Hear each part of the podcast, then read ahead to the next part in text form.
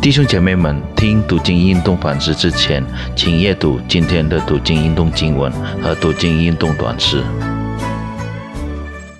主内的弟兄姐妹们平安。今天我们要反思的主题是信徒的坚持。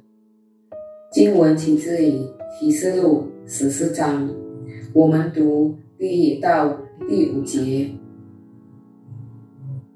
我又观看，见羔羊站在西安山，同他又有十四万四千人，都有他的名和他父的名写在额上。我听见从天上有声音，像众水的声音和大雷的声音，并且我所听见的，好像弹琴的所弹的琴声。他们在宝座前，并在四活物和众长老前唱歌，仿佛是新歌。除了从地上买来的那十四万四千人以外，没有人能学这歌。这些人未曾沾染妇女，他们原是同生。羔羊无论往哪里去。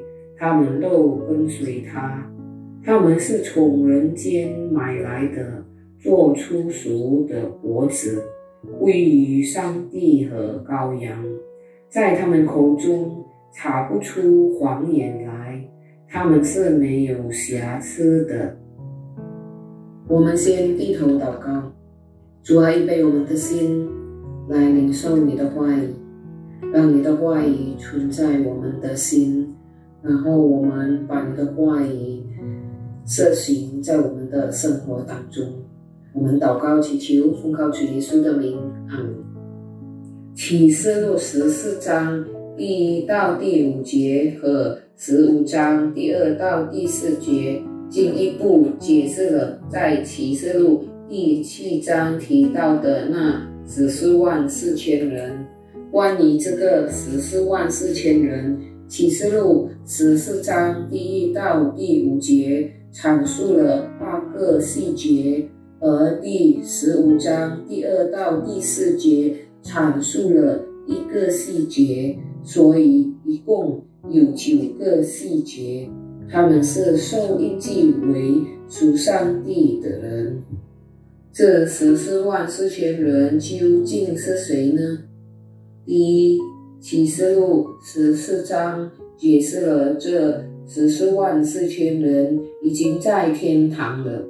这可以从宝座、是活物、众长老、西安山的存在看到这一点。第二，这印记是羔羊和其父名的印记。第三，这。十四万四千人弹琴歌唱，赞美上帝。第四，他们是从地上被救赎的人。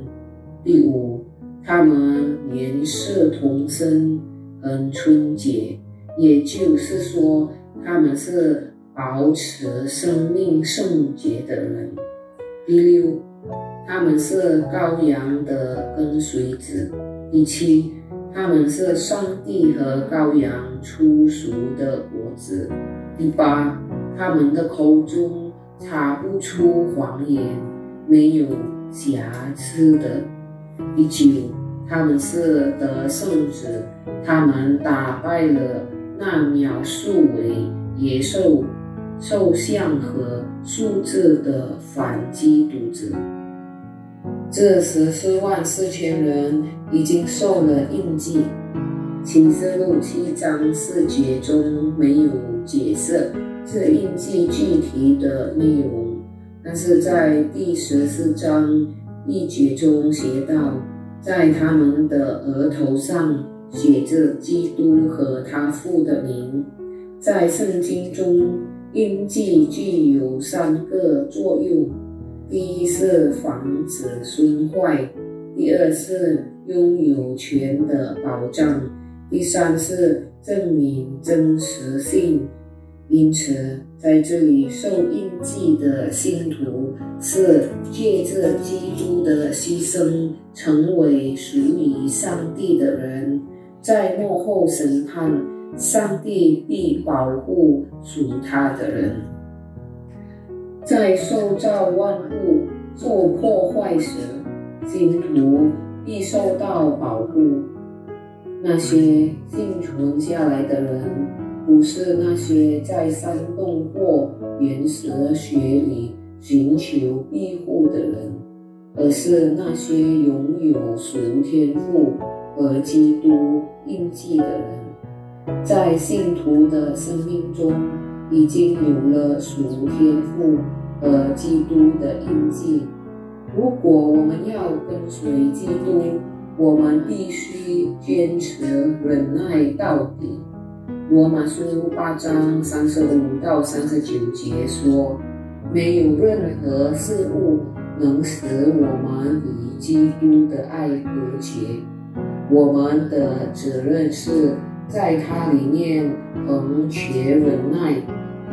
主耶稣向天父祈求，让我们能维持忍耐。上帝的话语鼓励和警告我们。”让我们仍然维持忍耐。提摩太后书第二章十二节说：“我们若能忍耐，也必和他一同作王；我们若不认他，他也必不认我们。”我们低头祷告，主啊，我们感谢你，你的话语鼓励和警告了我们。